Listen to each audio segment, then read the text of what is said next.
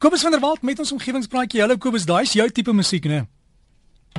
Môre, môre Derek, môre al ons omgewingsvriende. Ja, dis uh, dis musiek daai wat mense voete laat juk. En uh, dit is sommer net lekker musiek, net dit laat mense lekker voel. Maar nou ja, uh terug vir die omgewing. Moeilik nogal na sulke musiek, maar ek wil graag vanoggend begin uh, met 'n brief wat ek ontvang het van meneer Willie Pretorius van Kaapstad, ook al seker 2, 3 jaar gelede. Hy sê hy werk al vir die laaste 14 jaar, dit is seker dan nou 16 jaar op die gebied van grondgesondheid. En hy wil ons omgewingsvriende graag inlig oor fascinerende en belangrike swamme wat in die grond voorkom. Nou Pretorius uh, het die botaniese naam van die grondswamme nou ook vir my gegee, maar ek kan die naam nie eers uitspreek nie, so ek gaan ook nie probeer om dit nou vanoggend te sê nie. En ek gaan nou sekerlik my onkunde demonstreer deur die volgende opmerking, maar ek kon nog nooit verstaan waarom arme organismes sulke allerverskriklike name moet hê nie. Want ja, dit daar gelaat. Meneer Pretoria sê dat die nuutste navorsing bevestig dat die groep swamme bo en behalwe die belangrike simbiotiese prosesse waarby hulle betrokke is, waarskynlik die mees belangrike sekwestreerder van atmosferiese koolstofdioksied is. Dit is nou uh die goed wat vir ons klimaatsverandering gee. So die natuur het dus net soos in die geval van alge in die see ook in doodgewone grond 'n ingeboude beheermeganisme om van oortollige kweekhuisgasse in die atmosfeer ontslae te raak. En nou maar daar is nou egter net soos wat besoedeling in die see die alge se vermoë om CO2 op te neem benadeel, ook 'n probleem as ons van grondswamme se heilsame uitwerking praat en die probleem is dat moderne kommersiële landboupraktyke soos om nou elke jaar die grond om te ploeg onbedekte uh, grondoppervlakke met oormatige erosie, grondberokingsmetodes en oorbemesting veral met fosfaat. Nou, al die goed het 'n geweldige nadelige uitwerking op die groep swamme en hulle is in sekere van ons landbougronde reeds totaal en al uitgewis. Nou Pretoria sê die swamme neem nie net CO2 op nie, maar hulle is noodsaaklik vir omtrent 90% van alle plante op aarde wat in 'n natuurlike staat groei. Met ander woorde, wat nou nie deur boere bemes word nie. Die swamme verkeer onder natuurlike omstandighede in 'n wederwys voordelige simbiotiese proses met die plantwortels. En waar sulke swamme in landbougronde teenwoordig is, is die plante nie alleen meer gesond nie, maar word daar ook beter opbrengste verkry. Die deel van die swam wat CO2 opneem, is sulke lang filamente wat deur die grond groei en die goed word glomalien genoem. Nou hierdie glomalien is taaierige goed wat grondpartikels amper soos 'n tipe gom aan mekaar vasbind sodat die grondstruktuur verbeter word. Nou die interessante aspek van hierdie glomalien is dat dit uit omtrent 30 tot 40% koolstof bestaan. En daarom is tot soveel as 'n derde van alle koolstof in die grond in die vorm van hierdie swamfilamente. Nou Pretoria skryf dat dit eksperimenteel bewys is dat die filamente sterker groei as die koolstofdioksied in die atmosfeer toeneem.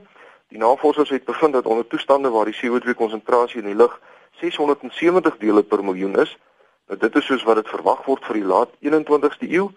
Die swamfilamente 3 keer so lank groei en 5 keer meer glomalien produseer as onder die huidige CO2 vlak van omtrent 400 dele per miljoen. Nou sulke langer filamente help plante om grondvog en voedingsstowwe op te neem wat natuurlik voordelig is vir plante in droë tye. Nou die punt van meneer Pretoria se brief is dat die aarde voorsien is van ingeskape beheermeganismes om die konsentrasie van CO2 te reguleer maar dat die mens hierdie beheermeganismes beskadig deur onkunde of deur die mag van die gewoonte. Ons het nog altyd so geboer, so kom ons hou nou aan om so te boer.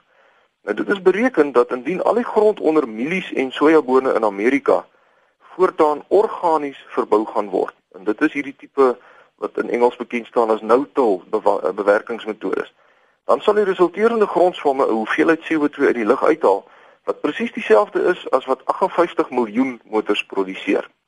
Anders gestel, as 10000 mediumgrootte plase reg oor die wêreld oorskakel na organiese boerderymetodes, sal die effek op ons atmosfeer dieselfde wees as wat daar meer as 'n miljoen motors minder op aarde is.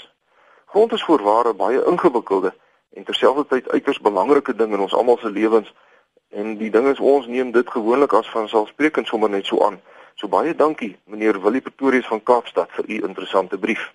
Ek dink hierdie gegevens behoort ons boere ook weer 'n slag te laat dink oor die voordele van organiese boerdery. Ek het die afgelope paar jaar ongelooflike resultate gesien by boere wat dit wel toepas. En soos een boer vir my gesê het, hy moet teesinnig erken. Dit was 'n ou oom wat nou nog maar altyd geboer het soos wat mens boer. ploeg elke jaar om met trekkers en so. Hy het eendag vir my gesê ook 'n Engelse uitdrukking, dit lyk of daar method in the madness is.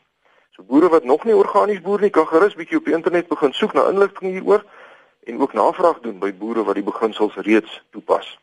Nou, Natuurlik is dit so dat organiese boerderymetodes nie vir alle plekke geskik is nie, maar indien dit wel korrek toegepas word, hou dit 'n groot klomp voordele in vir boere, vir hulle plase en ook vir die verbruikers en dan natuurlik ook vir die omgewing.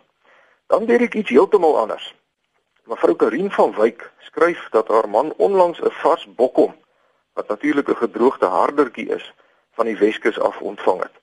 Hy het die visie toe deeglik met doen bespuit, seker maar vir die vlee en aan 'n nylon toutjie in hulle lapa opgehang. Sy sê die ou mense het blykbaar geglo dat hierdie soutvisie 'n baie betroubare weervoorspeller is.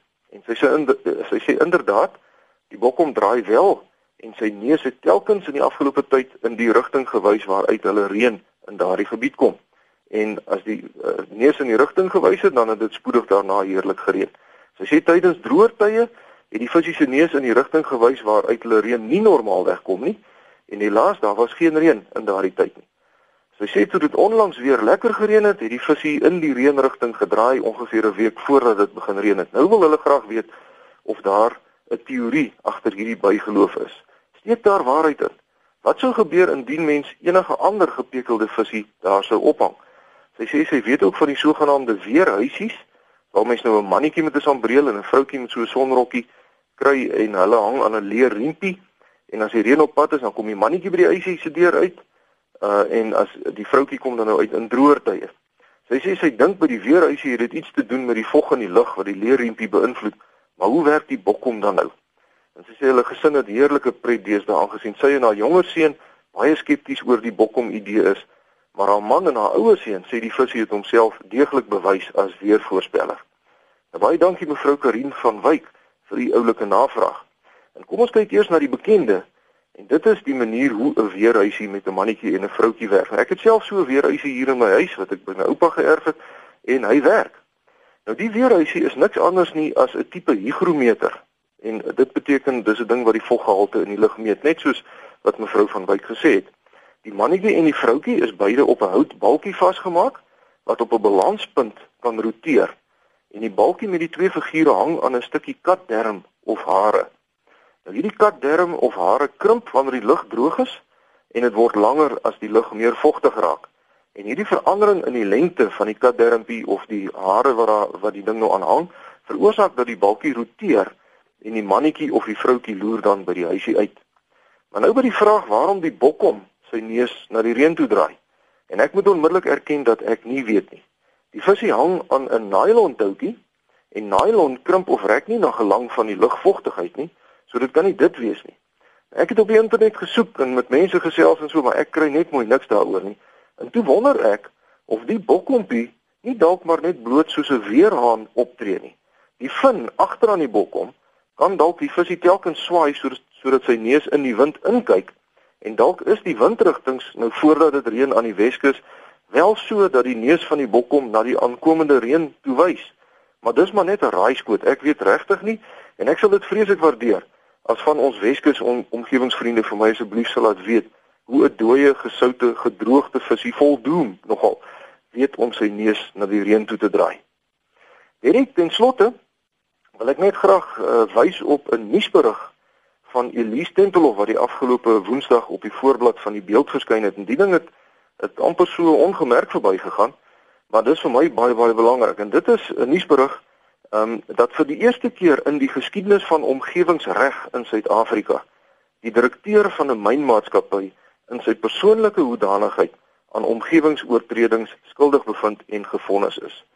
Nou, 'n mens mag jou nou nie verlekker in 'n ander ou se leed nie, maar dis vir my verblydend dat hierdie wet 'n slag toegepas is.